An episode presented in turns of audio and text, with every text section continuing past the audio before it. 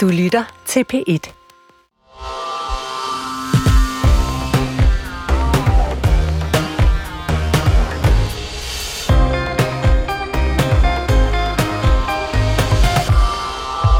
Behandler vi dyrene i landbruget som produkter frem for levende væsener? Ja, siger en forfatter. Er forbrugerne villige til at betale meget mere for kød, hvis det betyder, at dyrene har levet under bedre forhold? Nej, siger landbruget. Skal landbruget producere mindre kød? Ja, siger Alternativet. Nej, siger Danmarksdemokraterne. I dagens PET-debat, der sætter vi altså fokus på dyrene i det danske landbrug. Stemmer danskernes syn på landbruget overens med virkeligheden? Har dyrene det generelt godt i det danske landbrug? Og hvis grisene, køerne og fjerkræne skal have meget bedre forhold, er du så klar til at betale prisen.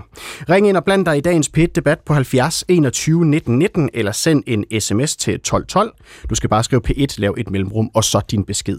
Og jeg vil gerne spørge dig, om du er parat til at skulle betale meget mere for dit kød, hvis dyrene skal have bedre forhold i landbruget.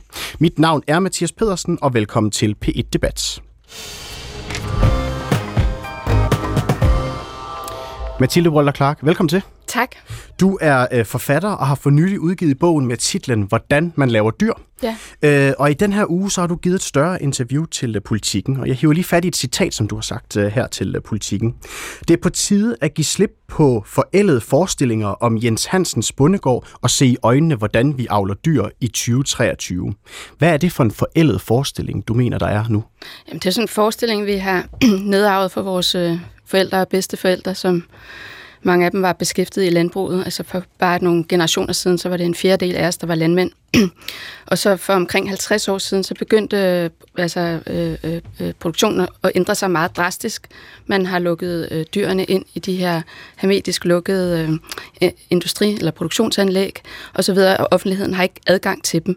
Øh, så vi, vi er stadigvæk bundet af det sprog, som vi har arvet fra vores bedsteforældre, der taler om gårde og stalle og øh, landmænd øh, osv., selvom virkeligheden ser helt anderledes ud. Ja, kan du prøve at beskrive for mig, hvordan sådan en forestilling om Jens Hansens bondegård, den ser ud? Jamen, den ser jo lidt ud som det, det faktisk gjorde dengang, som jo var sådan nogle småbrug, hvor der var blandet dyrehold. Der var nogle heste, der var nogle køer, der var nogle grise, der var nogle øh, høns, og der var øh, nogle får osv. Øh, og, og, og, og sådan så det ud, ikke? Altså lidt ligesom bedstemor Anskov, vi kender fra Anders Andbladene.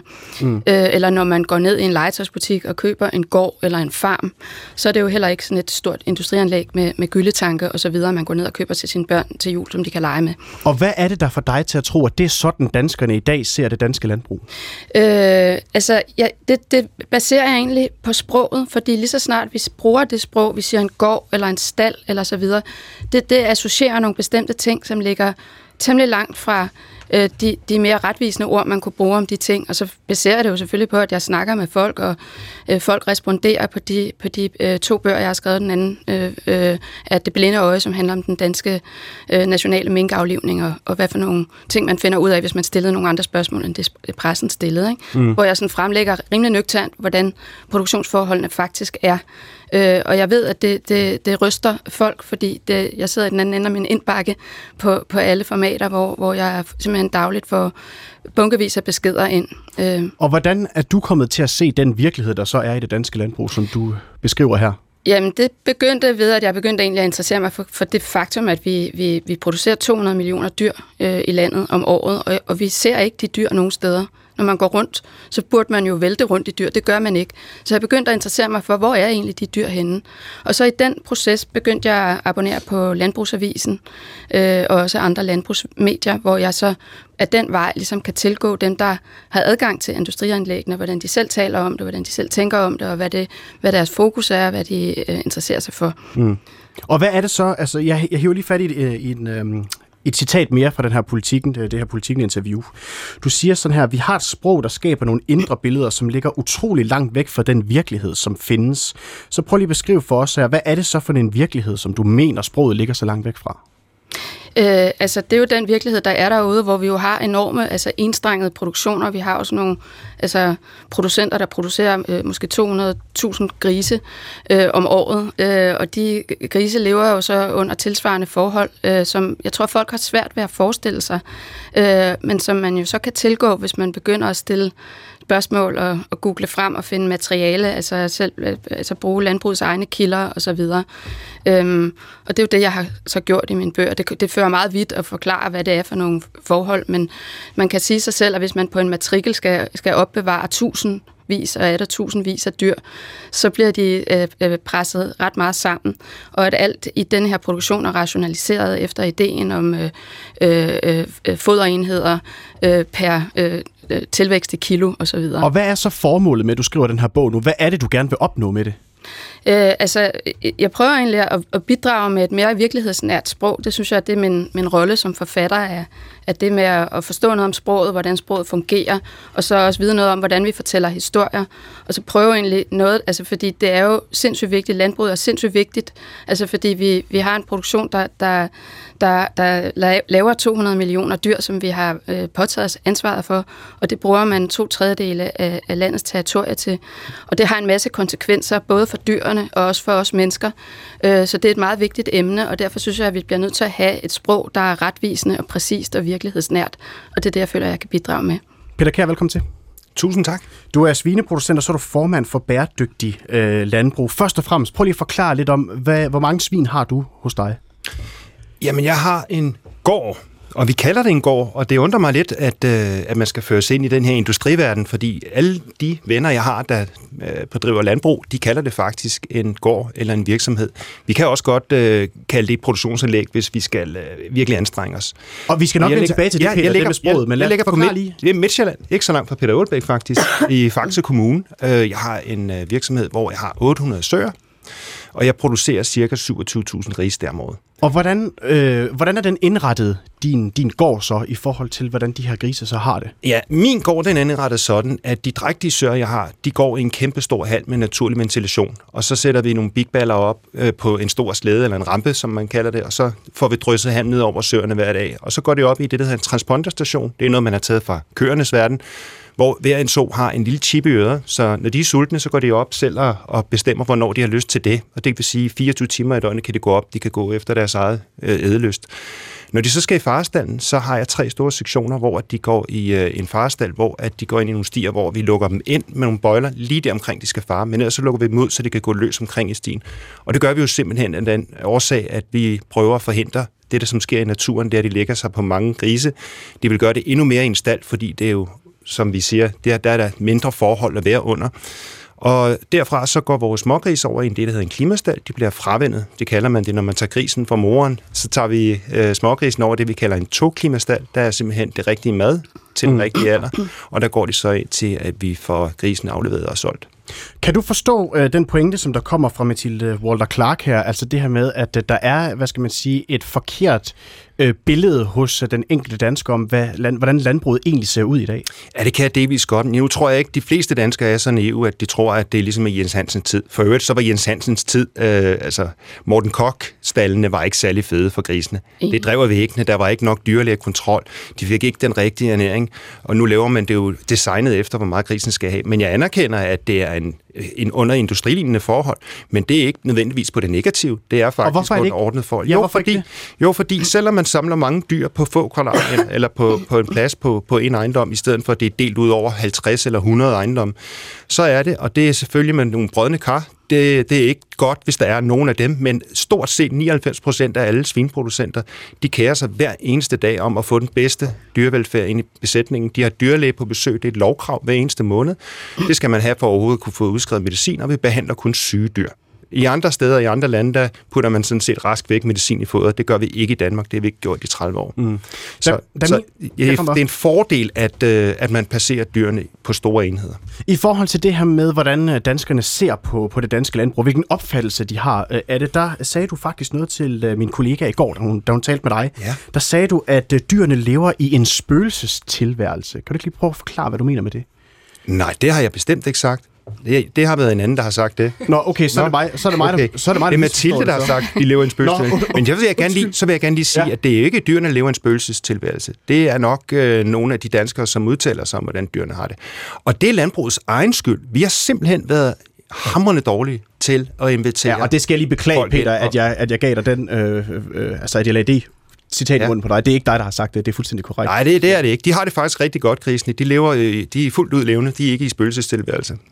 Øh, Mathilde Clark, det er dit citat. Ja, ja. Det er mig, der ruder rundt i uh, tingene. Det, det er det og, det, og det er for mennesker, at øh, dyrene lever en spøgelsestilværelse. Det er det jo selvfølgelig, fordi vi har ikke adgang til det. Altså i gamle dage, der kunne man, og jeg er helt enig med dig i, at det var ikke rosenrødt dengang på Morten Korks tid. Det er slet ikke den pointe, jeg vil have frem. Men dengang var der et delt normfællesskab mellem altså dem, der ikke drev landbrug, og dem, der drev landbrug, fordi den, de, de, de, hvad hedder det, de andre, dem der ikke drev landbrug, de kunne stå og kigge ind over hegnet og se. Altså, så der var ligesom fuld adgang, fuld transparens, og dermed en udvikling, øh, en mulighed for udveksling af fælles normer for, hvordan dyrene skal have det. Mm. Og den øh, mulighed er der slet ikke i dag. Og det er derfor, jeg snakker om, at dyrene lever en spøgelsestilværelse. Vi har ikke adgang til dem, vi ser dem ikke, vi møder dem ikke. Der er 200 millioner af dem, der bliver produceret her i landet om året. Ja, og så til, tilbage øh, til, til dig, øh, ja. Øh, Peter Kjær. Det her med, at det er svært for os mennesker at se, at der er så mange dyr øh, til stede. Øh, har landbruget svigtet der i forhold til at give et bedre indblik i, hvordan øh, landbruget i dag egentlig øh, driver deres øh, gårde, deres svineproduktioner? Nu taler jeg for egen regning. Mm. Jeg mener helt sikkert, at dansk landbrug har svigtet ved at åbne fuldstændig op og vise helt, helt ned i detaljer, hvordan vi øh, bedriver vores landbrug og vores svinproduktion. Øh, jeg mener jo, at vi gør det rigtigt, men jeg mener ikke, at vi har været gode til at fortælle, hvad vi gør. Og det kunne jo også gøre være, at vi havde gjort det på en anden måde, selvfølgelig, hvis vi havde fået nogle gode råd og, og vejledning inden, inden, inden, inden fra, fra andre. Hvad mener men, du med det? Jo, fordi at, at en ting er, at vi siger jo, at vi, vi driver jo bare det, som markedet vil have og efterspørge. Men hvis øh, markedet ikke ved, hvad det er, vi producerer, så har vi jo måske en lille udfordring i at fortælle mere om det. Altså, vi bliver nødt til at åbne dørene for at vise, hvordan vi har en, en svineproduktion. Mm. Men jeg mener faktisk, at øh, vi gør alt, hvad vi kan, og det er meget bedre, end det var i gamle dage, men er vi, da, er vi kommet i mål med at gøre det fuldstændig, som, som det skal være? Det er jeg ikke sikker på. Vi skal fortsætte den vej, vi er på. Øhm, jeg mener egentlig, at vi kan være stolte af den måde, vi producerer dyrene på i Danmark. Jeg mener, der er helt styr på det. Vi har det laveste medicinforbrug, og vi har et af de bedste øh, dyrevelfærdslande. Men der er også lande, der er skridt højere end os, og derfor så skal vi selvfølgelig også gøre alt, hvad vi kan for at blive bedre hver dag. Godt. Vi har lige fået en lytter, som har ringet ind på 70 21 19 19, som har et uh, spørgsmål, kan jeg forstå. Og det er dig, Ole Larsen. Velkommen til. Ja, tak. Øhm, jamen altså, hvad hedder det? Jeg har sådan set et spørgsmål til, til dem, der vil øhm, lave restriktioner på, på produktionsmetoderne. Øh, om, om de tror, at de kan styre produktionsmetoderne i hele Europa eller i hele verden. Fordi der vil overhovedet ikke være nogen som helst tvivl om, at øh, den dag, at øh, man, man laver restriktioner på den danske produktion. Dagen efter, så vil der ligge polsk eller tysk kød i kølemontrene. Og det kan vi jo ikke styre på nogen som helst måde. Altså, det er jo forbundne kar jo. Altså, man kan jo ikke, man kan jo ikke ligesom styre efterspørgselen. Mm. Okay, Ole Larsen, hæng på øh, et øjeblik, fordi vi skal lige hilse på øh, en af vores næste gæster, som er dig, øh, Helene øh, Liljendal Brydenshold. Velkommen til. Tak skal du have. Du er dyrerettighedsordfører for Alternativet. Altså, det er jo et spørgsmål, som dukker op løbende, det her. Altså, hvis det er, at man begynder at lave øh, stramme restriktioner på det danske landbrug, så ender det altså med at flytte til, til udlandet. Forstår du Ole Larsens bekymring? Altså det her handler jo om, at vi skal, vi skal jo omlægge hele landbruget. Og så kan man øh, bruge forskellige virkemidler. Man kan lægge nogle afgifter på kød. Man skal helst øh, lave incitamenter til, at, øh, at øh, landmændene selv begynder at producere mindre kød. Det kan man gøre på forskellige måder.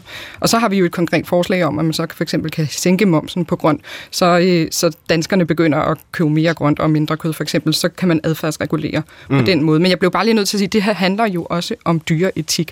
Og det handler om, hvad, hvad kan vi som land stå indenfor? Hvad kan vi som borgere stå indenfor? Og dyreindustrien, i Danmark og i mange andre lande.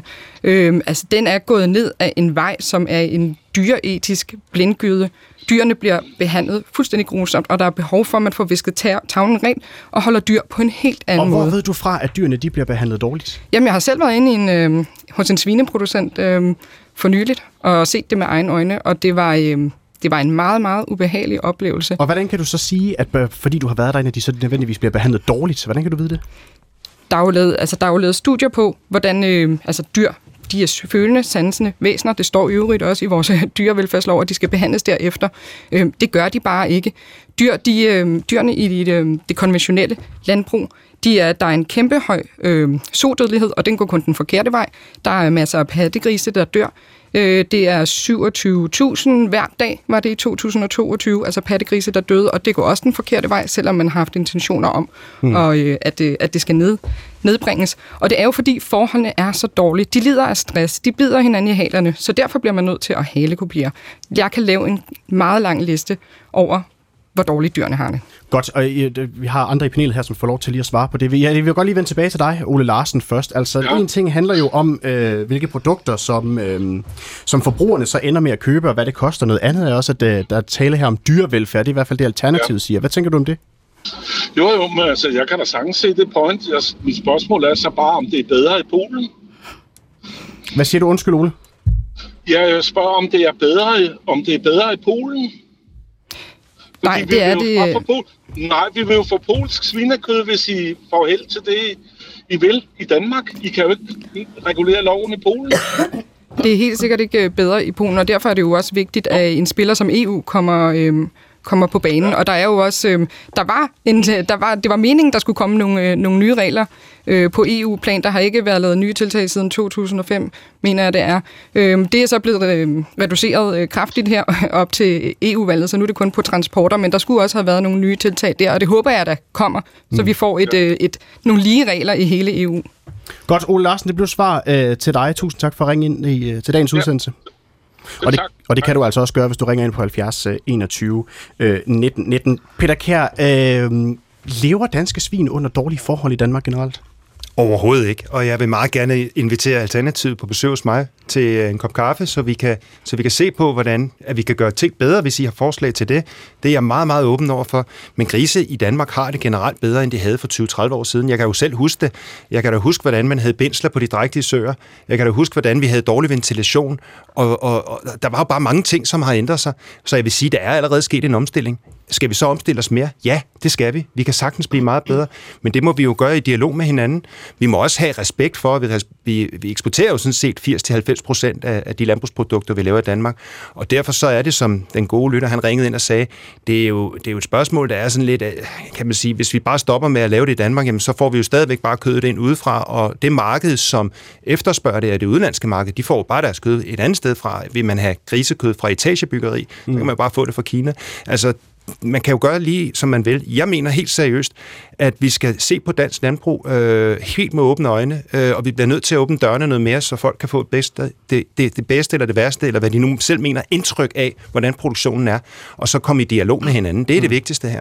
Men til Roller Clark, jeg ved, øh, at du, øh, hvad skal man sige, du er sådan lidt generelt modstander af ordet dyrevelfærd. Kan du ikke lige prøve at forklare, hvorfor? Jo, det er jo fordi, det er sådan et tomt ord. Altså det, man kan jo bare starte med at sige, hvad er det for nogle billeder, man får i hovedet, når man siger ordet dyrevelfærd. Jeg vil tro, der er et ret komplet fravær øh, ude i hovederne, øh, ude blandt lytterne, fordi hvad, hvad, hvad er det overhovedet for et dyr, vi taler om? Vi er nødt til at være konkrete. Det er jo forskelligt, hvad det er for nogle dyr, vi taler om, og hvad det er for nogle behov, de forskellige dyr har. Og det er meget tit, at man faktisk kan undvære ordet ved at begynde at være lidt mere konkret og sige, øh, hvad det er, man mener, øh, når man siger det. Det er jo sådan gratis ord, det er jo sådan tit meget forskelligt, og det er der jo faktisk også lavet forskning i, hvad folk øh, mener, altså især hvad, hvad det er, for eksempel producenter mener, mm. når de siger ordet dyrevelfærd, og så hvad det er, øh, mennesker uden for produktionen øh, tænker på og mener, når de bruger det ord. Men det du også hører fra Peter Kær af, det er, at, øh, at landbruget var sådan set ikke bedre for mange år siden. Altså der bliver gjort forbedringer hele tiden, og de arbejder konstant på at, at forbedre forholdene øh, for dyrene af, så måske var det ikke bedre med Jens Hansens øh, bundegårdtiden. Ja, der savner man jo altså konkrete eksempler, og jeg synes også, at, at man, man savner at snakke om, hvordan det er, altså hvordan, du spurgte før, hvordan kan man vide, hvordan, om dyrene har det dårligt, når man kommer ind og ser øh, en, en svineproduktion.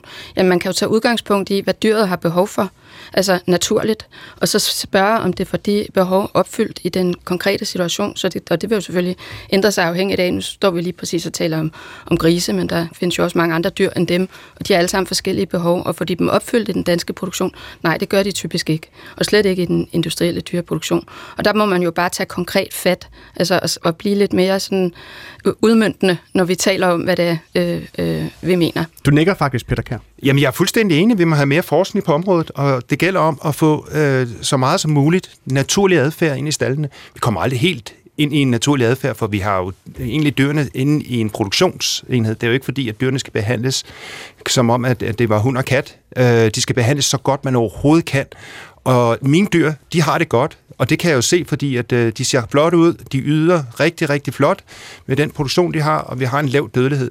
Og, og, og det er jeg sikker på, at det er jo sådan set, det er der vejen frem. Det er jo simpelthen, at man stadigvæk gør sig umage med at sørge for at komme så tæt på den naturlige mm. adfærd som muligt, men vi kommer jo ikke helt i mål, fordi at vi har dem stadigvæk inde i nogle stalle, ikke? Øh, Hans Christian Skibby, velkommen til.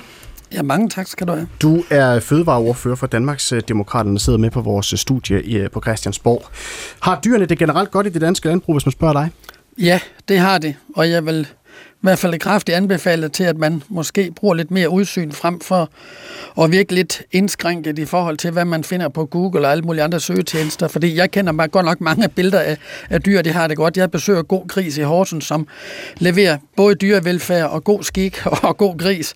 Øh, ovenikøbet kan gøre det til en bæredygtig forretning. Vi har Arlas forsøgsgård, besøgsgård. Vi har så mange steder. Vi har økogriser, vi har økolam, vi har vi har så meget at byde på i Danmark, og jeg er egentlig lidt ked af, at, at debatten så skal dreje sig om, at nogen har fundet noget på Google. Jeg synes måske, at, øh, at man skulle bevæge sig Hvem er det, der har fundet noget på Google? Jamen, jeg hørte bare Mathilde, hun sagde, at hun har fundet nogle billeder på Google, og hvis man søgte på dyrevelfærd, så fik man nogle billeder af nogle grædende køer. Altså, det, det køber jeg simpelthen ikke. Mathilde Wunderklar? Det har jeg vist ikke sagt noget om. Men, men Hans Christian Skibby, han efterspørger altså, at man kommer ud i virkeligheden, og ikke bare øh, slår op på, på, på nettet og læser aviser i forhold til at finde ud af, om man har øh, ordentlige forhold for dyrene ude i øh, landbrugsproduktionerne. Altså nu har jeg jo benyttet mig af de kilder, landbruget selv stiller til rådighed. Øh, jeg ved ikke, om det er det, du mener med at google, men øh, jeg benytter landbrugets egne kilder øh, og, øhm, og sætter mig ind i det. Jeg læser, jeg har læst tusindvis af artikler osv., og så har jeg selvfølgelig også været ude på en, en, øh, en, ude at se dyr i den danske dyreproduktion. Hans Christian Skyby? Jo, men du har ikke været de samme steder, som vi andre har været i kongeriget, så altså, jeg håber, at du kommer ud nogle af de steder også, hvor man måske får et mere mildt øh, syn på det, for jeg er da helt med på, man vil altid kunne finde nogle brødende kar, det kan man også inden for, for, for dem, der passer dyr i Danmark, men det bliver bare ikke også, som spørgeren var ind på tidligere, man kommer jo ikke i mål øh, ved, at der bliver færre øjne, der kigger på dyrevelfærd i Danmark. Men det, men det vil der jo være, hvis vi øh, eksempelvis fjerner 95 procent af alle øh, svin i Danmark, sådan som det jo blandt andet er blevet anbefalet fra Alternativet og andre. Mm. Så og, og, hvor stor, og hvor stor en animalsk produktion osv., det kommer vi til senere øh, i programmet. Jeg kunne godt lige tænke mig bare lige at, at holde fast i det, som uh, Mathilde Waller Clark her, hun ligesom øh, øh, taler om i forhold til det der med, hvor langt man kommer væk fra dyrets, hvad skal man sige, naturlige øh, måde at, at begære sig på. Altså glemmer vi nogle gange, når vi snakker om landbruget, og tænker over, at det er øh, levende væsener og ikke bare øh, fødevarer, øh, vi taler om? Jo, men altså, vi har jo brødende kar, og det ser vi også nogle gange, hvor der er et, et, et landbrug, der den altså bryder sammen. Det kan også tit være, hvis man øh, ender i en konkurs, eller man har nogle sociale derutter og nogle psykiske problemer. Det er jo nogle af de sager, der også kommer frem. Det er jo, hvor det går galt på et landbrug, og hvor dyr ikke får foder, og der er nogen, der opdager det for sent, og man kommer ud og skal lave nødslagning, og nogle af dyrene er døde af sig selv. De historier, dem er vi jo alle sammen frygtelig ked af, når de kommer.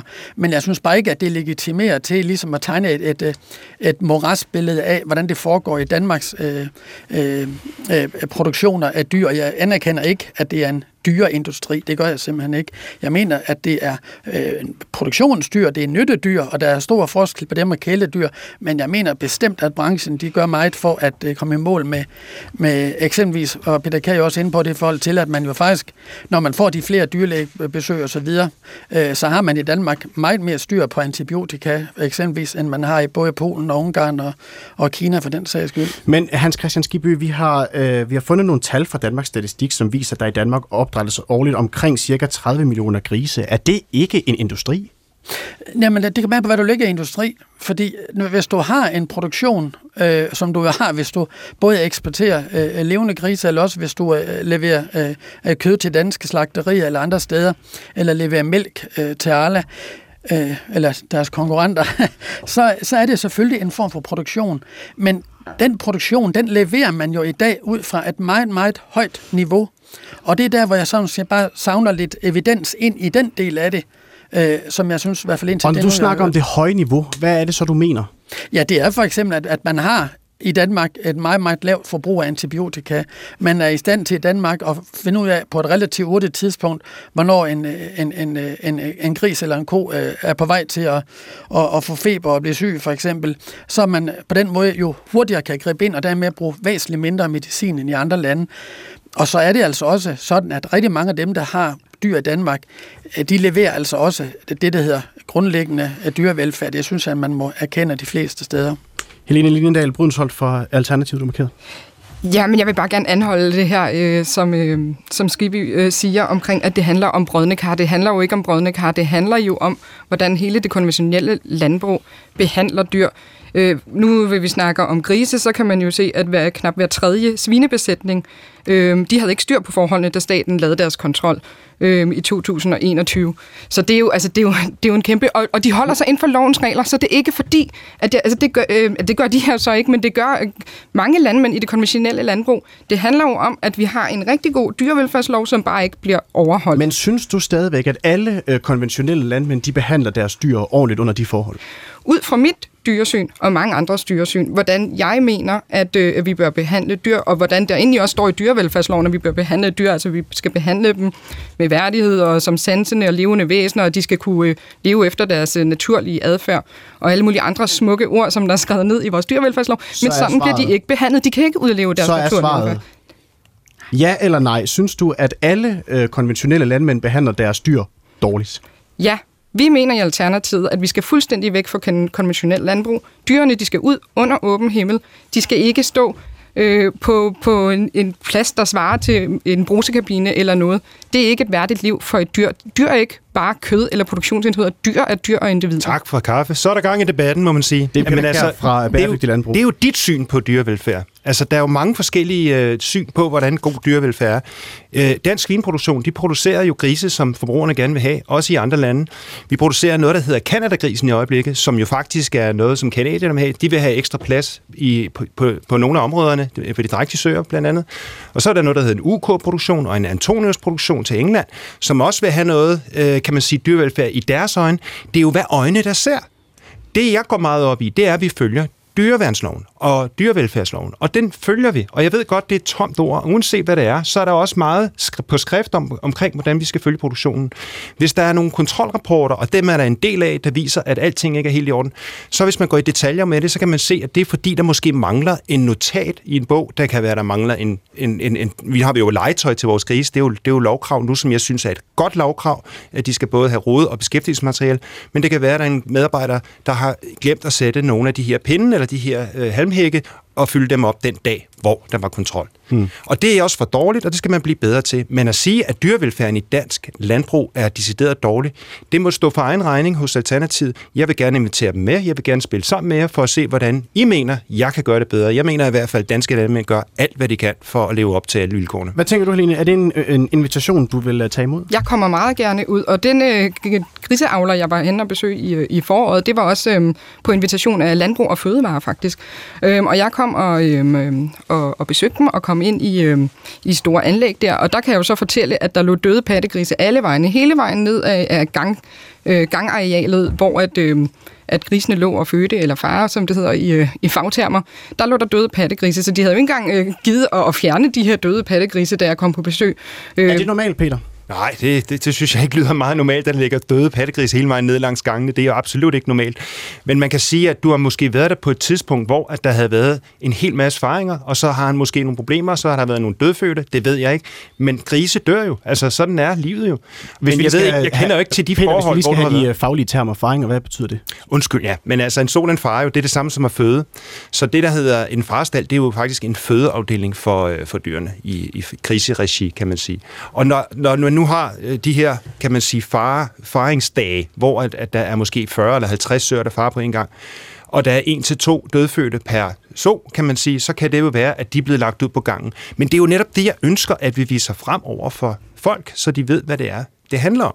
Okay, og, og vi har masser af tid, fordi vi fortsætter igen på den anden side af, af klokken 13. Vi skal også have introduceret vores øh, næste gæst, øh, som har siddet herover og ventet meget, meget, meget øh, tålmodigt. Men først, vi, vi, skal lige, vi skal lige forbi en lytter først, øh, som har ringet ind på 70 21 19 19. Og det er dig, Pia Olsen. Velkommen til. Ja, hej. Tak. Jamen, øh, de burde skamme sig, de landmænd. Øh, og hurra til Alternativet. Øh, jeg er helt med på, at øh, landmændene, det er, det er deres levebrød. Og det er også sådan, det skal være, og det skal vi støtte. Men vi skal gøre det på en ordentlig måde. Vi skal have meget mere dyrevelfærd ind i det. Øh, skam jeg siger fordi at når de så snakker om dyrevelfærd, så, sidder I, så snakker I udenom konstant, hele tiden, og det er gjort i mange år. Øh, I siger, jamen vi åbner gerne stallene, kom og se.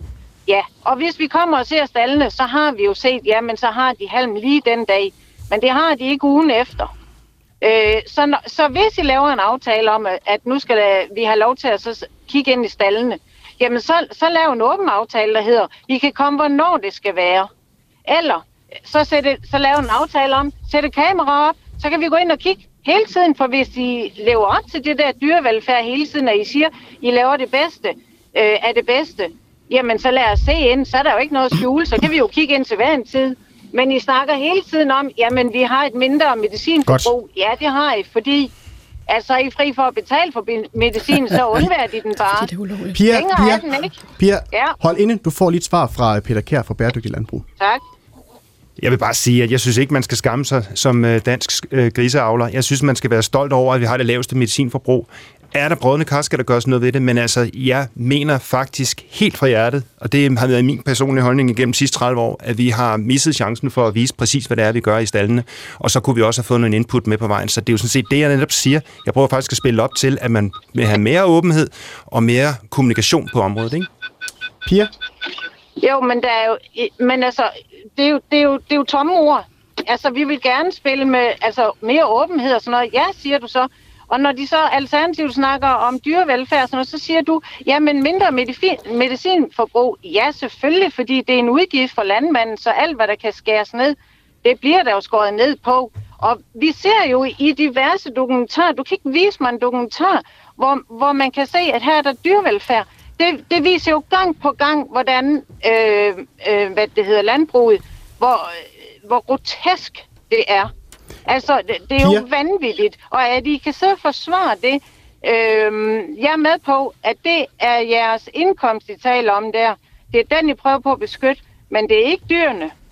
Pia Olsen. Og det er derfor, at vi selvfølgelig skal have EU ind i nogle regler her, for Godt. at, at vedligeholde øh, jeres erhverv. Selvfølgelig, men det skal gøres på en anden Pia Olsen, tusind ja. tak for at bidrage til dagens PIT-debat. Selv tak. Så kigger jeg over på vores næste gæst, som er dig. Øh, Peter Aalbæk, velkommen til. Tusind tak. Du er stifter af filmselskabet Centropa, så er du i gang med at bygge en lille økologisk landsby tæt på Herfølge. Skal jeg kalde dig bykongen så, eller hvad? Forhåbentlig ikke. Øh, jeg er bare et af de første tandhjul i et stort kompleks værk, der er at, at lave et bud på et, et, et, et, ny, et ny samfundsmodel. Tror du på det her med, at danskerne de har en anden opfattelse af, øh, hvordan landbruget er i forhold til virkeligheden? Dialogen i dag, som jeg har nyt, øh, og dybest set, det er jo den gamle mand lod at være enige med alle i alt, ikke? Fordi livet er sgu mere facetteret, end man drømmer om. Som, det må være et dejligt standpunkt at have, ikke? Ja, bare altså... vent, bare vent den 40-50 år. Men, øh, men altså, ja, altså det her, øh, det her er jo, er jo en, en, øh, en diskussion, som har holdt på i mange år, og jeg, jeg synes dybest set, den er, den er afsindig frugtbar for begge parter. Og øh, jeg er enormt begejstret for dansk landbrug og hvad de øh, øh kommer med af, af, af, af, af fødevarer. Det må jeg sige. Altså også øh, selv det konventionelle landbrug er jo en super høj kvalitet, og det er jo derfor, vi kan sælge det til det meste af verden. Mm. Jeg er enormt begejstret for, at øh, der er øh, aktivister og kritiske røster i byerne, og øh, det er jo netop den her, hvad skal vi sige, kontrapunktiske øh, et debat, der jeg bilder mig ind, øh, vil presse øh, alt og alle til at, at, at, at lave nogle mere attraktive produkter, der er mere med øh, kan sælges til en mere attraktiv pris. Altså, det er jo, det er jo min øh, øh, version af det. Jeg tror ikke, dansk landbrug havde været så, øh, så super skarpe, hvis ikke der havde været en super skarp kritik af dem, altså. Og omvendt, øh, øh, altså, er der jo også brug øh, for øh, kritik af kritikerne, ikke? Altså, gud bedre det, ikke? Så øh, det hele er jo en, en, en en, en diskussion, der har kørt i mange år, og, og først og fremmest bygger den jo på, at øh, vi har en fornemmelse af, at vi står på hver sin planet. Det gør vi altså ikke.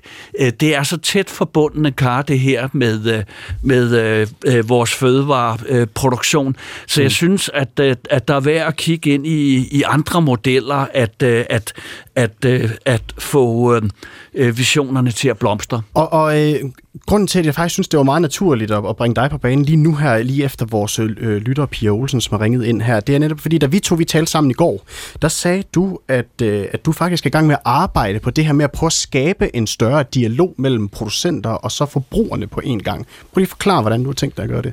Jamen det er fordi i forbindelse med den øh, øh, by, øh, jeg er med til at lave, altså drømmer jeg om at, om at lave øh, en, en forretningsmæssig enhed, som øh, repræsenterer øh, lokale leverandører og øh, øh, repræsenterer øh, de lokale forbrugere, øh, således at, øh, at man sidder i samme forretningsmæssige båd øh, og dermed øh, bedre kan forstå øh, hinanden og øh, Øh, har en erkendelse af, af, af virkeligheden, øh, har en erkendelse af, ja, at der at, at der skulle også dør, der du, øh, dyr, der dør, ikke? Altså, øh, uden det behøver at være kritisabelt.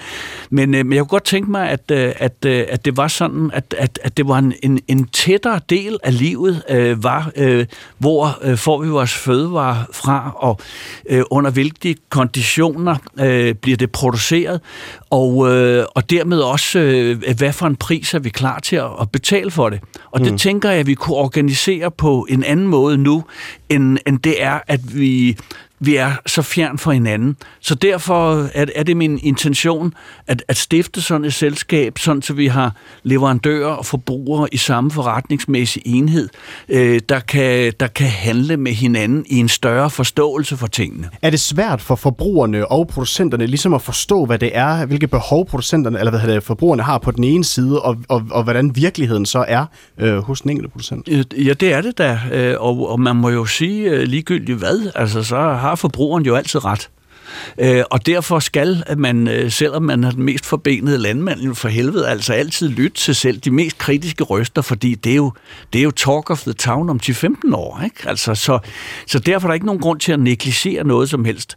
Øh, ligesom der heller ikke fra, fra, fra, fra bysegmentet er grund til at negligere, at der er noget, der hedder en virkelighed, og specielt hvad bysegmentet vil betale af penge for de varer, de stiller sig høje krav til. Og det, øh, der er der en diskrepans der, eller hvad?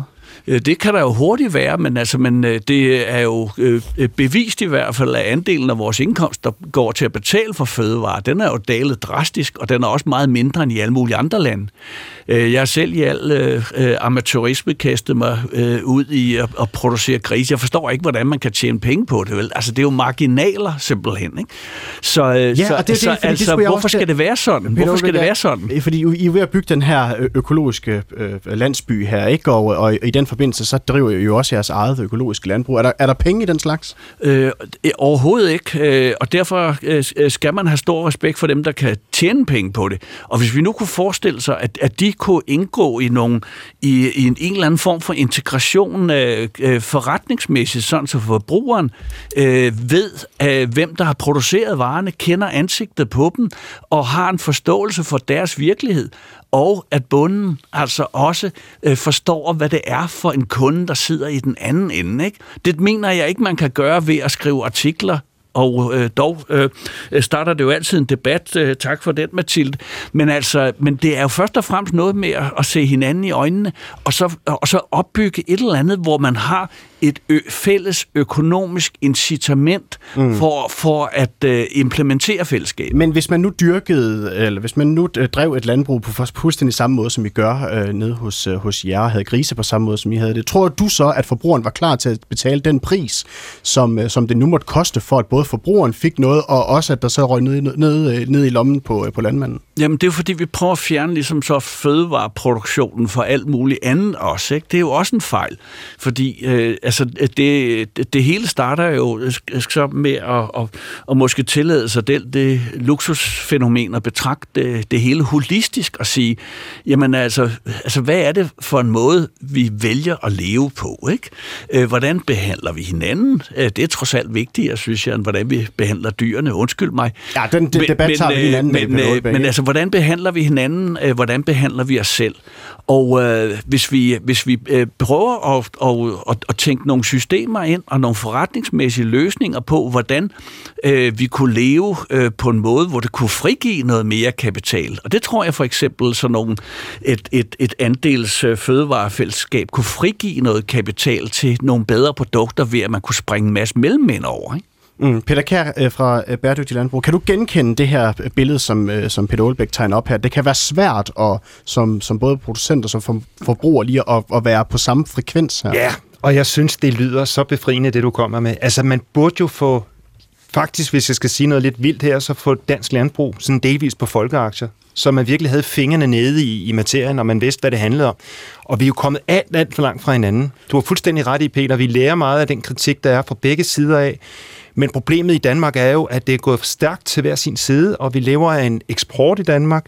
Og hvis vi skal ligesom prøve at lave en eksport, hvor at, øh, vi tager hensyn til, at vi kan tjene penge, samtidig med at øh, kan man sige, tilfredsstille de forbrugere, der er i Danmark, så kan det være rigtig, rigtig svært at få enderne til at mødes. Så derfor så bliver man nok nødt til at lave en ny forretningsmodel, mm. eller det, som, som du kommer med der, Peter Ulbæk. Det lyder interessant i hvert fald. Helene Lindendal Brunsholt, øh, dyrerettighedsordfører for Alternativet. Altså, kunne det være en løsning, at man, man på en eller anden måde får koblet forbrugere og producenter tættere sammen, øh, for at, øh, at de også, altså så, hvad hedder det, landbruget også får en idé om, hvad er det egentlig, forbrugerne ægte efterspørger?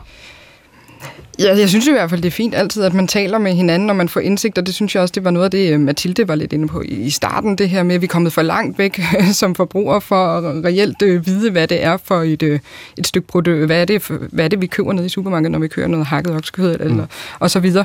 Men altså, den, den reelle løsning på det her, og det er også der, vi kommer hen af, før eller siden, det er jeg fuldstændig overbevist om, det er jo, at vi skal spise mindre kød. Vi skal reducere vores indtag af kød og spise meget mere grønt. Danmark er et ekstremt opdyrket land, og vi bruger 80 procent af, øh, af vores øh, land på at dyrke foder til dyr. Det er jo en super dårlig forretningsmodel. Vi skal jo dyrke mange flere grøntsager, og så kan vi eksportere dem og tjene penge på dem og blive et, øh, et grønt grøntsagsforgangsland, hvis man vil kalde det det. Men tror du ikke, at mange landmændene var begyndt at gøre det, hvis det var, der var en, en stor efterspørgsel på grøntsager og, og plantebaseret øh, kost? Det er jo, det er jo, det er jo nogle, nogle ændringer, vi bliver nødt til også at lave inde på, øh, på Christiansborg. En ting er sådan noget CO2-afgift, og det kan man så lægge på, øh, på, på landbruget på forskellige måder, og på, øh, på, på slutproduktet også. Altså noget andet er også, som jeg var inde på tidligere, det her med at sænke momsen på, øh, på grøntsager, så forbrugerne rent faktisk køber flere grøntsager. Øh, og så, øh, ja, så taler vi også for en afgift på for eksempel oksekød og lammekød og nogle af de her meget klimabelastende øh, kød, øh, øh, ja, kødprodukter. Øh, det er en måde at få forbrugerne hen øh, til at vælge noget andet mm. end kødet. Og så er der også et større øh, incitament for at producere det. Mathilde Waller Clark. Men jeg synes, vi må altså, prøve at vende os lidt af med, og hver gang vi skal snakke om dyrene, og hvordan dyrene har det ude i produktionsanlæggene, straks begynde at tale fra markedspladsen. Øh, fordi vi kommer til med sproget, og med vores måder at, at tænke og argumentere på, og behandle kødet øh, som om, at det er et, et samme slags produkt som en fastelavnshat eller en bademåtte, hvor man ligesom kan stå og sige, Nå, hvor meget må sådan en bademat måtte koste? Mm. Øh, og så tager man det så tilbage til produktionsledet. Og hvordan altså- ser du, det sker øh, i den måde, sproget er, er sat sammen? Jamen, det er fordi, vi begynder at snakke kilopris per altså, og, og, og, og forbrugere og så videre. Vi må tage den her snak som mennesker, ikke som forbrugere. Markedet er ikke i stand til at skelne mellem en bademåtte og et stykke kød. Men det er vi mennesker fordi vi er udstyret med noget, som øh, markedet ikke er udstyret med, nemlig moral.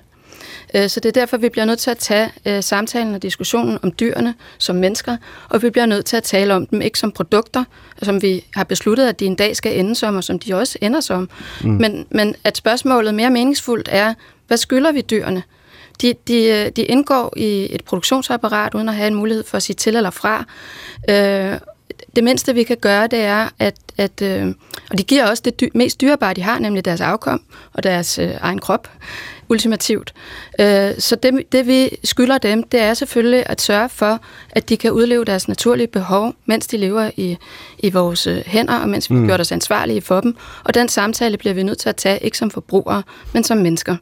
Hans Christian Skibby øh, fra Danmarksdemokraterne, altså godt til 28.800 smågrise, de dør simpelthen øh, øh, hvert år. Er vi for hurtige til at komme til at tale om kilopris og så videre, og glemmer at tale om, at det her det er sådan set er dyr, vi snakker om? Nej, det tror jeg ikke. Men det, der har været udfordringen, det er jo, at, at man faktisk egentlig har, har været i stand til at, at, at, at, at, sagt, få flere grise ind i hver øh, øh, så, når hun skal, når hun skal fare, og det betyder at de gennemsnitligt får flere, flere unger, og det giver selvfølgelig nogle udfordringer, som faktisk er sådan, at man jo nærmest nu skal, er ved at lave programmer for, at de skal, at de skal få færre gris øh, øh, per, per faring. Så det, det er jo selvfølgelig en, en helt omvendt øh, proportionalitet i forhold til den del af det. Men det ændrer bare ikke på, at, at hvis vi kigger på noget af det, nu var jeg alternativt inde på det lige før, min kollega der, at, at øh, altså, det er jo ikke det, I foreslår i Alternativet. I foreslår jo, at vi skal, at vi skal slagte 95 procent af vores grise i Danmark, og så skal vi ikke have nogen nye. Øh, så nytter det jo ikke noget at sige, at de skulle jo gå på græs, eller hvad der var for noget. det, det nytter jo ikke noget, når I har, og det er fordi, har slagtet 95 procent af dem, og, og, det, der, og det ikke kommer nogen. Et øjeblik, han skal på, det er fordi Alternativet gerne vil have en mindre animalsk produktion. Er det korrekt forstået? Ja, og de vil også have 75 procent af alt fjerkræ væk, og 70 procent af alle kvæg i Danmark. Okay, og hæng på, fordi vi fortsætter så diskussionen. Vi bliver lige afbrudt af en radioavis øh, på cirka 3 minutter, så vi vi tilbage igen på den anden side. Så når vi lige lidt flere lyttere, for jeg kan se, der er så mange, der har ringet ind og gerne vil deltage i debatten. Men det når vi altså først efter en øh, radiovis, som kommer her, hvor klokken er blevet 13. Sikkerheden i det.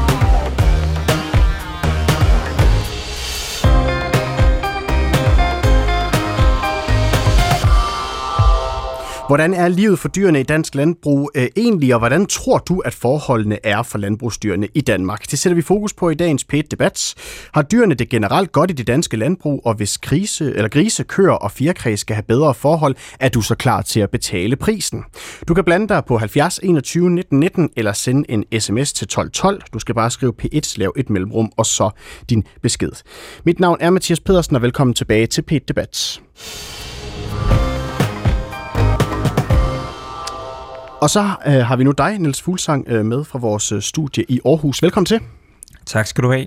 Du er medlem af Europaparlamentet for Socialdemokratiet, og øh, du har for nylig selv fulgt en grisetransport ned gennem Europa. Prøv lige at forklare, hvad det gik ud på. Ja, jamen jeg øh, fulgte sådan en grisetransport sammen med Dyrenes Beskyttelse fra Padborg øh, i øh, Syddanmark til, øh, til Verona i Norditalien, hvor, hvor den kørte øh, med 660 grise fra dansk landbrug, og det tog 22,5 time, øh, den her tur.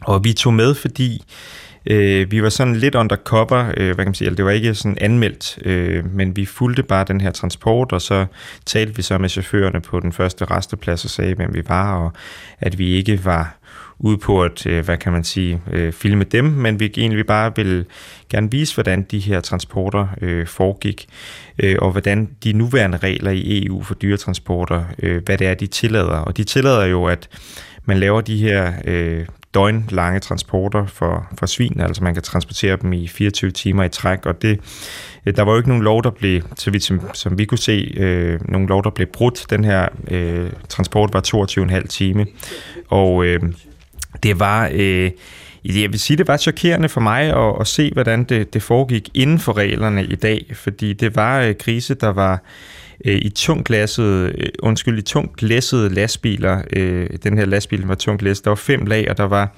660 øh, grise. Der var, der, de, de har ikke så meget plads. De er fem grise på på en kvadratmeter. De er tre mm. måneder gamle, de her, øh, de her grise. Og havde du aldrig set det før, Niels Fuglsang? Jeg har set øh, en dyretransport øh, før, men jeg har ikke været på sådan en lang dyretransport. Og, og det er jo øh, grund til, at jeg også synes, det er relevant, det er, det er jo, det er jo ganske mange af sådan nogle lange dyretransporter, øh, vi har. Altså vi har Øh, for, I sidste år, der var det for første gang øh, nogensinde, der eksporterede vi, eller kørte flere svin ud af Danmark, end vi slagtede herhjemme. Og 11 millioner svin, de blev transporteret på dyretransporter, mm. der var over 8 timer. Derfor synes jeg, det er, det er relevant at finde ud af, hvad, hvad er det egentlig, der foregår på de der transporter. Og hvad, hvilke indtryk tog du så øh, med dig, til, efter du havde haft den her tur? Jamen, jeg tog det indtryk med mig, at jeg synes, det er øh, vanvittigt, øh, det, det, det som reglerne tillader i dag, at man skal øh, stue så mange krise sammen på så lidt plads, og så køre dem fra den ene ende af Europa til den anden. Øh, de får ikke noget mad om øh, mens de er på den her transport. De bliver ikke tilset. De her polske chauffører, der kørte, øh, de holdt øh, øh fire pauser af cirka 5 minutter. Altså de kørte øh, Øh, stort set uafbrudt på den her tur. øh, og, og grisene, de lå øh, i deres eget øh, pisser lort, for at sige det lige ud. Øh, samtidig med, at vi holdt øh, på den tyske motorvej i timevis i, i kø, hvor de her grise, de, øh, de skreg, øh, ja i timevis faktisk, uafbrudt, øh, mens vi, holdt, vi sad lige bag ved den her lastbil i, i kø, så vi kunne, vi kunne høre det. Øh, det synes jeg er... Øh, en, en, en syg måde at, at behandle dyr på, og jeg synes, vi mm. burde mm. ændre de her regler. Ja, fordi det er jo det, som du selv siger, at øh, den her pågældende chauffør brød jo sådan set ikke nogen øh, regler eller nogen lov. Så hvad har du tænkt dig at gøre ved det?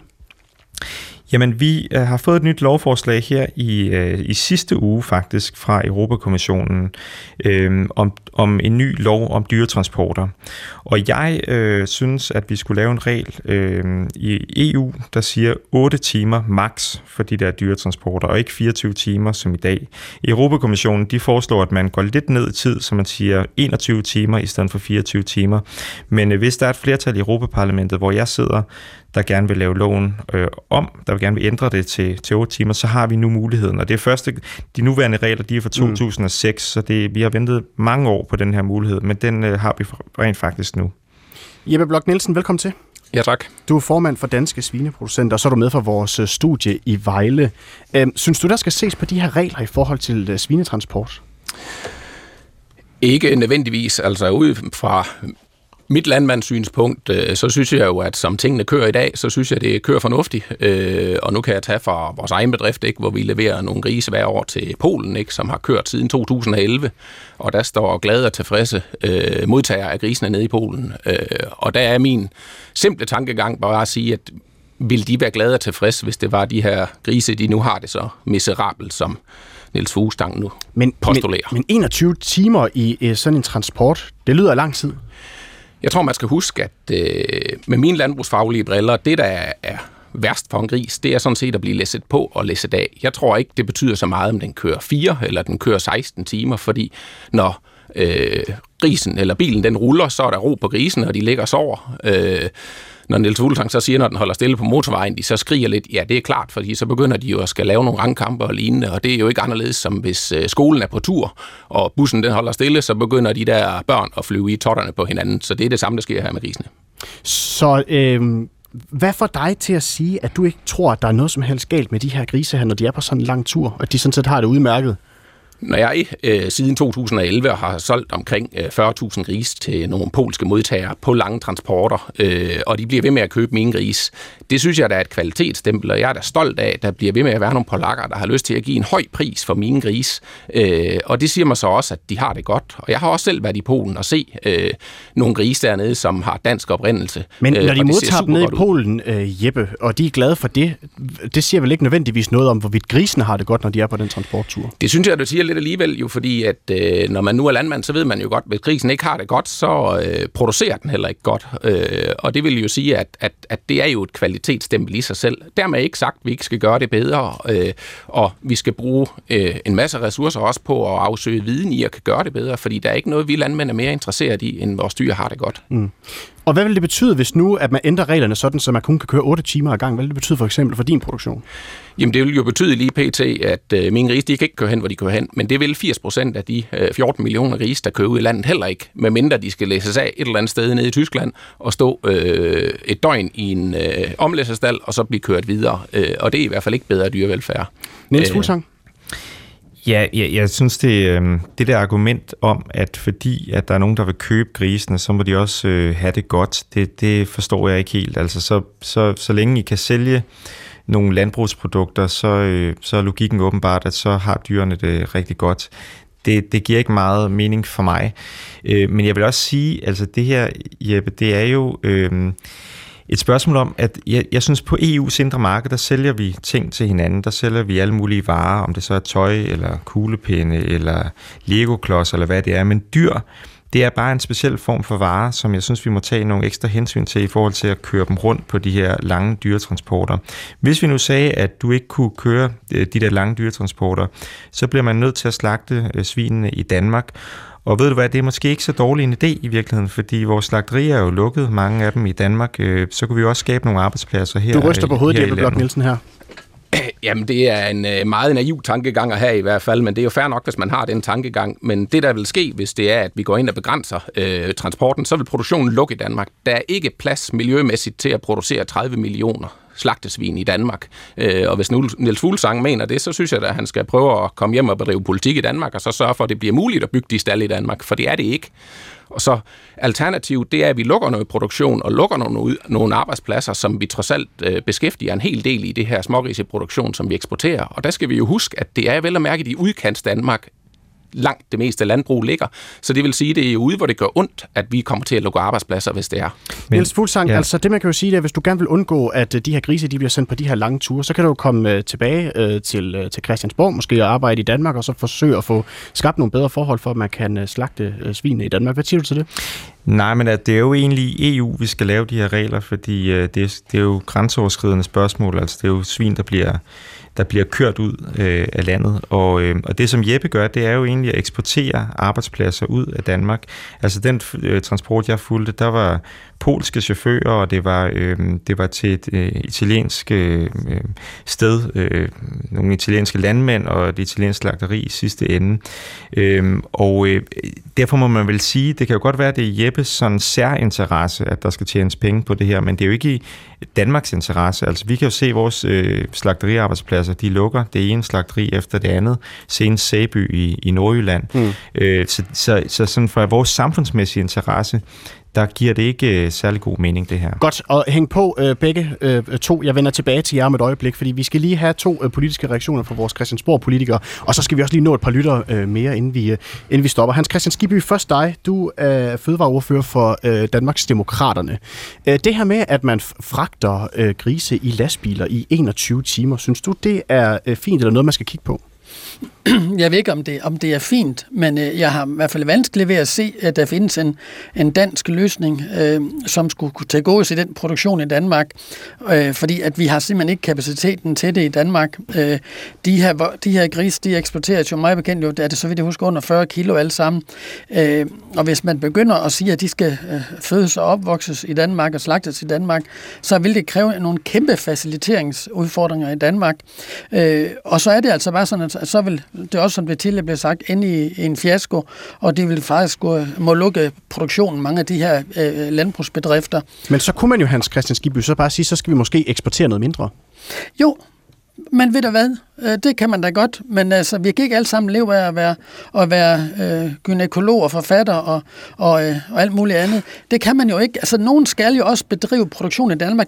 Jeg må lige minde om, at fødevareklyngen i Danmark eksporterede sidste år for næsten 200 milliarder kroner, og der er 180.000 arbejdspladser. Og det synes jeg bare ikke, man skal lave øh, politiske jeopardy over. Jeg synes, man er nødt til at acceptere, at der er nogle vilkår. Og jeg vil også gerne lige spørge lige til Niels Fuglsang, bare lige for at drille lidt. Mener Niels Fuglsang, at det her det er regeringens ønske med de otte øh, timers kørsel? Ja, altså øh, Socialdemokraterne har jo... Øh, Nej, regeringen spurgte ja, til. Socialdem- Socialdemokraterne, som jeg taler på vegne af, vi har jo i lang tid talt for, for de otte timer. Jeg synes, du skal øh, tale på vegne af regeringen. Jo, men det, nu sidder jeg jo ikke i regeringen. Nu er jeg jo medlem af Socialdemokratiet, men, men Hans Christian Skibby, de der, den der fødevareklynge og de mange arbejdspladser, du taler om, øh, som vi har, det tæller vel også slagteriarbejdspladserne, og det, det er jo noget, der lukker i øjeblikket. Og det er måske derfor, at Fødevareforbundet NNF, de går ind for den her regel på 8 timer, fordi de kan se, hvordan deres arbejdspladser forsvinder ud af landet, og det, det er jo ikke noget, jeg ved ikke, om det er noget, der holder dig vågen om natten, Hans Christian Skibby, men det er jo ikke noget, øh, du kommer til at løse med den politik, du har. Det, det, det er, noget, det er, det er derimod noget, jeg, jeg vil løse med den politik omkring 8 timers grænsen på dyretransporter. Det er naivt at tro, at det vil betyde, at de her kommende grise, i stedet for at blive kørt til Polen på et slagteri, eller til en opvækst hos en fremme øh, landmand i et andet land, at den lige pludselig skulle blive transmogriffet til at kunne foregå i Danmark. Øh, det er desværre ikke muligt. Godt, og så øh, kigger jeg over på dig, øh, Helene. Øh, undskyld, nu, jeg, jeg kluder lidt rundt i min. Helene Linendal, øh, Brydens, Brydensholdt, undskyld. tak Dyrerettighedsordfører for Alternativet. Det her med, at vi fragter så mange svin ud af grænsen, hvad, øh, skal man kigge på de regler, eller hvad? Eller er det helt urealistisk at tænke sig, at vi ikke kan øh, fragte de svin, når vi skal eksportere sådan ned igennem Europa? Altså den her diskussion, hvis man kigger på den fra et dyreetisk perspektiv, så er den sådan meget nede i småtingsafdelingen. Jeg synes, det er fint, hvis man øh, sænker øh, tiden på, hvor, hvor, hvor lang tid man kan fragte øh, dyr forskellige steder hen. Men øh, hvis man kigger på dyrs hele liv, så er det jo øh, en meget, meget lille forbedring i forhold til, hvordan dyret har haft det, før det kommer op på denne her lastbil. Men vi For snakker eksempel- alligevel om, at vi eksporterer omkring 14 millioner svin fra Danmark af. Altså, øh, kunne det ikke gøre en forskel, hvis man kigger lidt på tiderne i forhold til, hvor lang tid de kører, de, de, står i den lastbil? Jo, jo, det vil gøre en lille, en lille forskel. Ligesom at ministeren har jo også lige øh, sagt, øh, spillet ud med, at nu vil man også øh, gøre det øh, højdekravene lidt højere på, på lastbilerne, når man fragter dyr. Men det er jo, altså, jeg tror, at de dyr er ret ligeglade med, om der lige er 30 cm øh, højere op til, til loftet, når de, når de bliver fragtet. Det er jo hele deres liv, der, der ikke har været i orden øh, førhen. Så, øh, og så bliver jeg også nødt til at sige i forhold til, øh, til øh, Skibby fra, fra Danmarksdemokraterne, øh, Øh, han taler jo om øh, dansk landbrug, som om, at det er det, der holder hele Danmark kørende. Altså, det står for 2% af vores BNP, og jeg er 100% øh, overbevist om, at vi, hvis vi fik en rigtig god, sund, grøn øh, produktion i Danmark, så vil vi også kunne tjene penge på det i fremtiden. Lige så mange penge, som vi gør nu. Ja. Nej, Og hvad, det, og hvad, det er hvad, bare et sjovt. øjeblik, Hans Christian Skibby. Ja. Hvordan kan du være sikker på det? Undskyld, Jeg, jeg, øh, jeg, jeg spørger dig lige fra Alternativet. Hvordan kan du være sikker på, at vi kan tjene lige så mange penge på plantebaseret øh, øh, eksport, som vi kan på for eksempel øh, svin og kød? Men selvfølgelig kan vi det, for vi bruger jo vores jord fuldstændig åndssvagt. Øh, vi, vi bruger vores danske landbrugsjord til at dyrke foder til, øh, til dyr, i stedet for til mennesker.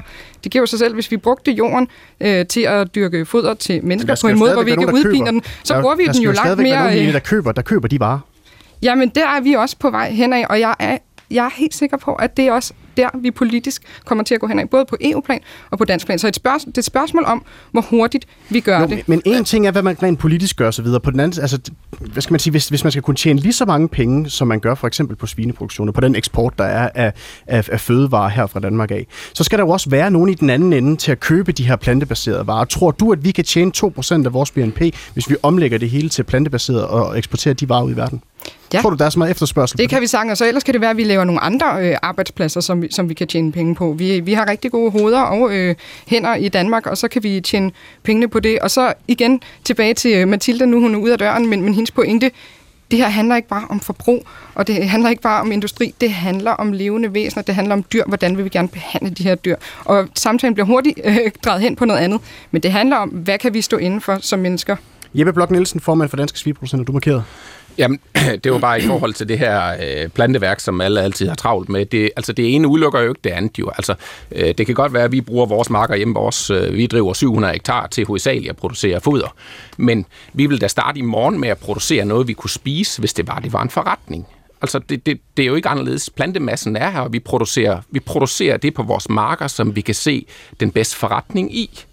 Øh, så lad nu være med at tro på, at vi bare skal aflive den animalske produktion, og så kan vi leve af plantefars, eller hvad pokker vi skal. Det kan vi ikke. Men, men lad os nu omstille. Lad os nu begynde at lave det her plantefars. Lad os nu se, at der er et marked, der efterspørger det. Så skal det nok komme. Og så er det fint for mig, hvis det så gør, at det betyder, at den animalske produktion bliver mindre over tid. Men lad nu med med at begynde at save den gren over, vi sidder på. Godt. Der er en lytter, der har ringet ind på... Et øjeblik, Hans Christian Sigby. Vi skal lige have en lytter på banen her, fordi Heather Schmidt har ringet ind på 70 21 19 19. Velkommen til. Tak skal du have.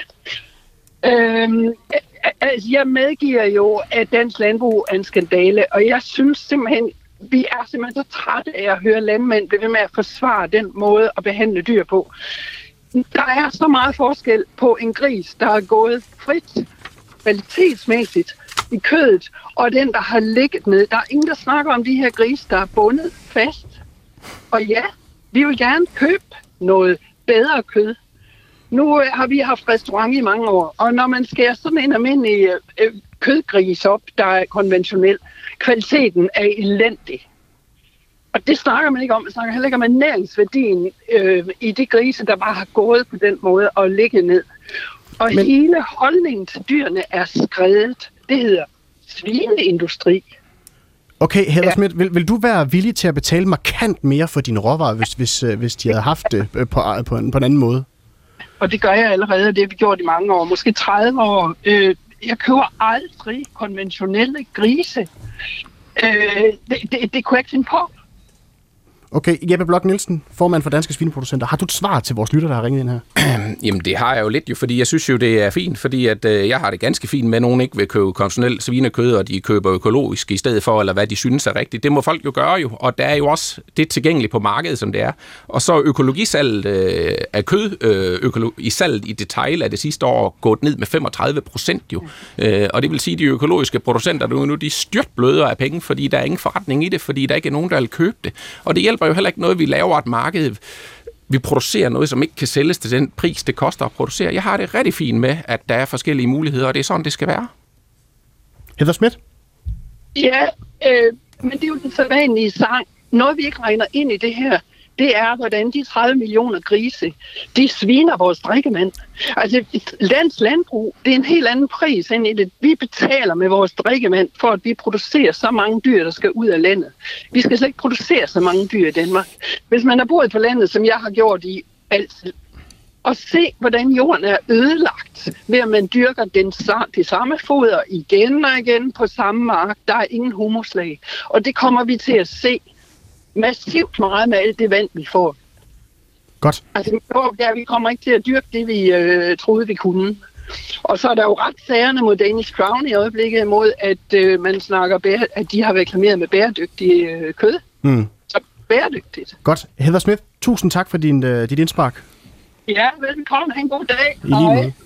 Vi øh, stryger lige videre til en lytter mere. Ben, ben Bertelsen, du har også ringet ind på 70 21 ja. 19. Velkommen til. Ja, goddag. Goddag. Det er jo fantastisk at høre alt det her om dyrevelfærd med her og dyrevelfærd mig der. Jeg har været kobunde i sådan cirka 20 år. Vi startede i øh, 92. Og dengang vi startede, der havde vi selvfølgelig kørende på græs, fordi det havde min far. Og det skulle vi selvfølgelig også have, fordi det var jo godt. Og så øh, når vi havde en ko, skulle have kald, så øh, fik hun jo også lov at gå ud på marken. Og øh, så når hun har fået det der kalv, så gik hun bare hjem. Altså i stallet. Øhm, og så tænkte jeg, hov, hvor, fanden, hvor var der i kald henne?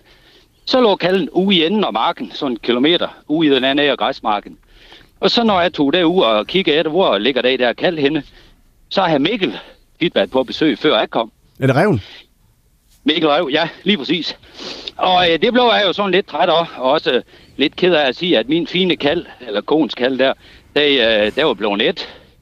Øhm, og så synes jeg også, det er jo interessant at se, at koen, øh, nu skal det jo være så naturligt og biologisk og alt muligt, det er jo fint nok, men det, er der egenskab til at passe på sit afkom, der er jo ved køerne, ligesom der er ved moderne mennesker. Vi passer jo heller end selv vores afkom. De kommer i børnehaver eller vuggestue, og børnehaver og skoler og alt muligt, fra de er ganske, ganske små. Og der er jo ingen forskel over på koen eller på vi mennesker. Vi putter dem jo også i institution, så vi kan komme ud og arbejde. Og Ben Bertelsen, jeg synes, det er hvorfor... lidt interessant, det ja, der med... Ja, et øjeblik, at, Ben Bertelsen. Hvorfor er du så træt af at høre om det der dyrevelfærd? Fordi jeg synes, det er en ensidig kamp, øh, ensidig øh, retorik, der bliver brugt med, at alle dyr har det godt. Jeg har været kobunde, vi har haft 200 malkekøer, og der har altid været åbent hus, for vi har ingen væg i stallen. Folk kunne bare komme hen til mig og sige, må vi have lov at sige din køer og kalde og kvier og det hele. Altid har de fået lov. Så derfor er det ikke alle dyr, der går ind bag ved en lukket dør. Jeg er da også sikker på, hvis du går hen og spørger en grisebonde, eller nu kan du desværre spørge en minkavler længere, men har du spurgt en minkavler også, så har jeg sagt, jamen kom der ind og sige mine dyr, det må du da gerne, de er da flot og velpleje. Kom ind og kig. Så synes du, Det at, synes at synes du, at nogle af politikerne er lidt for hårde ved, ved landbruget? Jeg synes, de er meget lidt realistisk. Mm. Jeg, jeg, vil, jeg vil gerne sige, at jeg vil ind tage ansvar for samtlige dyr i dansk landbrug. Det har jeg ingen som helst forstand på. Jeg har forstand på de dyr, som jeg havde med at gøre, og jeg står inden for hver og en. Det er hver en ti. Godt. Men alle de andre, de må hver især tage ansvar, og det tror jeg bestemt også, de gør. Ellers så skal der nok komme nogen og fortælle dem, hov, bitte ven, det går an. Godt. Der ser vi noget mere efter, end vi gør for eksempel med spildevand. Der ser vi ikke efter en hujende skid. Det løber direkte ud og forurener vores vandmiljø. Godt, uh, Ben Bertelsen. Tak for dit uh, indspark i dagens pit debat. Velbekomme. God dag. Ja, selv tak. Og så kigger jeg igen over på dig, Peter Aalbæk, øh, filmproducent, og så øh, i gang med at bygge den her økologiske landby lige omkring her følge. Altså, øh, jeg ved jo, at du synes, at hele den her måde, vi har sådan indrettet systemet på, er jo noget af det, der giver udfordringerne. Hvad er, prøv lige at forklare, hvad det er, du mener med det. Jamen, øh, det er jo... Øh, altså, altså, øh, det, det er jo en konstatering af, at, øh, at begge parter, om jeg skal tillade mig at betegne det på den her måde, jo virkelig sådan øh, mentalt er langt fra hinanden, og, og det, er jo, det er jo chokerende, når vi jo øh, altså, når, når vi er så øh, uendeligt tæt forbundne, som vi er. Så der, der må være et eller andet i, øh, i øh, i øh, den måde, det hele er organiseret på, der kunne måske være sjovt at gå en anden vej på. Altså, og derfor øh, glæder det mig, at, øh, at øh, Peter Kær fra Bæredygtig Landbrug øh, fangede, hvad det var, jeg foreslog. Altså at lave nogle forretningsmæssige øh, alternativer, hvor, hvor, hvor producenter og, og, og konsumenter var med i samme forretningsmæssige enhed, så vi har en konkret forum at, øh, at øh, debattere de her ting ud fra. At vi har en forventningsafstemning, og vi har et normfilmskab, som jeg hørte øh, Mathilde Walter Clark snakke om. Det kunne da være en, en, en, en fantastisk ting at komme derhen, hvor parterne forstod hinanden og forstod, øh, hvilken positiv dynamik der kunne være ud af at lade de her modsætninger mødes. Det er min drøm. Det kan være, det er naivt, men, øh, men jeg tror, det kunne være en af vejene ud af det her moras. Men er det ikke svært, når det er, at, øh, hvad, snakker vi om, 80-90% af eksportvarer herfra, så er det vel svært at lave øh, de der hvad skal man sige, samspil mellem forbrugere og producenter? Nej, det synes jeg ikke, fordi øh, altså, at, altså, kan, kan man lykkes og, øh, og, og, og lave et, et, et samspil lokalt mellem konsumenter og, og producenter, øh, så tror jeg også, at man et eller andet sted har en universel vare, der har en eller anden eksportværdi. Uh, Jeppe Blok Nielsen, formand for Danske Svineproducenter. Altså, hvad tænker du, er der for, er der for lidt samspil mellem uh, kunderne og så producenterne? Jamen, det, det, vi kan selvfølgelig gøre ting anderledes, men det, men det synes jeg jo egentlig ikke, jo, fordi at jeg synes jo, altså, der er jo masser af de der små øh, gårdbutikker og lignende øh, rundt omkring i landet, hvor folk kan komme hen og købe øh, lige nøjagtigt det, de ser. Øh, men, men de har jo bare et hårdt liv. Øh, kan man drive en forretning i det?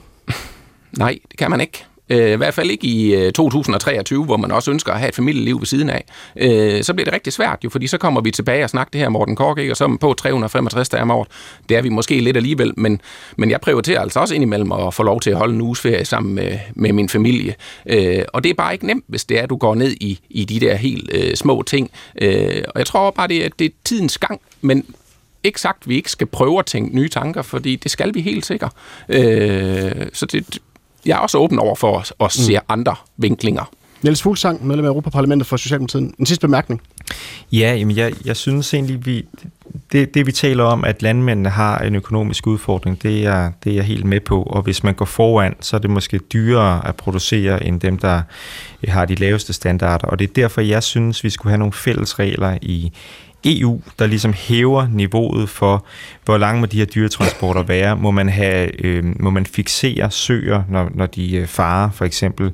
Det synes jeg ikke, man skal. Og der synes jeg, at vi skulle lave nogle fælles regler i EU, så vi hæver niveauet. Så er det ligesom færre konkurrencevilkår for alle, og der er ikke nogen, der, øh, der skal straffes ekstra, ekstra meget økonomisk, på grund af, mm. at vi hæver dyrevelfærden. I får lige et par afsluttende sms'er her, hvor tiden render stille og roligt ud, øh, ud for os her. Der er en lytter, der skriver, sikke mange byboere uden nogen som helst erfaring erfaring med dyr, ud over hunde og katte, der har holdninger til dyreproduktion. Hilsen, øh, Jonas. Det her, det var, hvad vi nåede i dagens udgave af P1 Debat. I skal alle sammen have tusind tak, fordi I øh, lyttede med.